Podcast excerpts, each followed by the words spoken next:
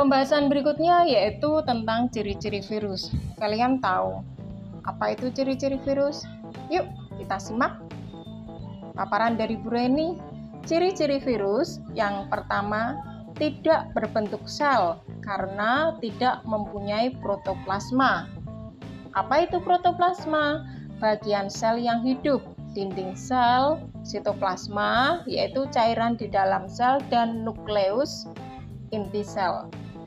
Ciri yang kedua dapat digolongkan sebagai benda mati. Apabila berada di luar sel hidup karena dapat dikristalkan dan tidak mempunyai protoplasma, yaitu bagian sel yang hidup. Ciri yang ketiga dapat digolongkan benda hidup. Apabila berada di dalam sel makhluk hidup lainnya karena memiliki kemampuan metabolisme, reproduksi, dan memiliki asam nukleat. Ciri yang keempat, hanya dapat berkembang biak di dalam sel atau jaringan yang hidup. Dan ciri yang kelima, organisme yang sangat kecil disebut juga dengan mikroorganisme. Hanya dapat dilihat dengan mikroskop elektron.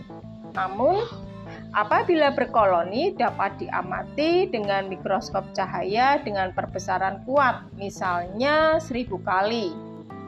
Dan yang terakhir, ciri virus yang keenam yaitu bersifat parasit obligat, yaitu agen pembawa penyakit. Nah, anak-anakku, eh, pembahasan mengenai kompetensi dasar mendeskripsikan pengaruh virus bagi kehidupan Bu Reni cukupkan sekian. Kita lanjutkan untuk pembelajaran minggu depan. Sekian, wassalamualaikum warahmatullahi wabarakatuh.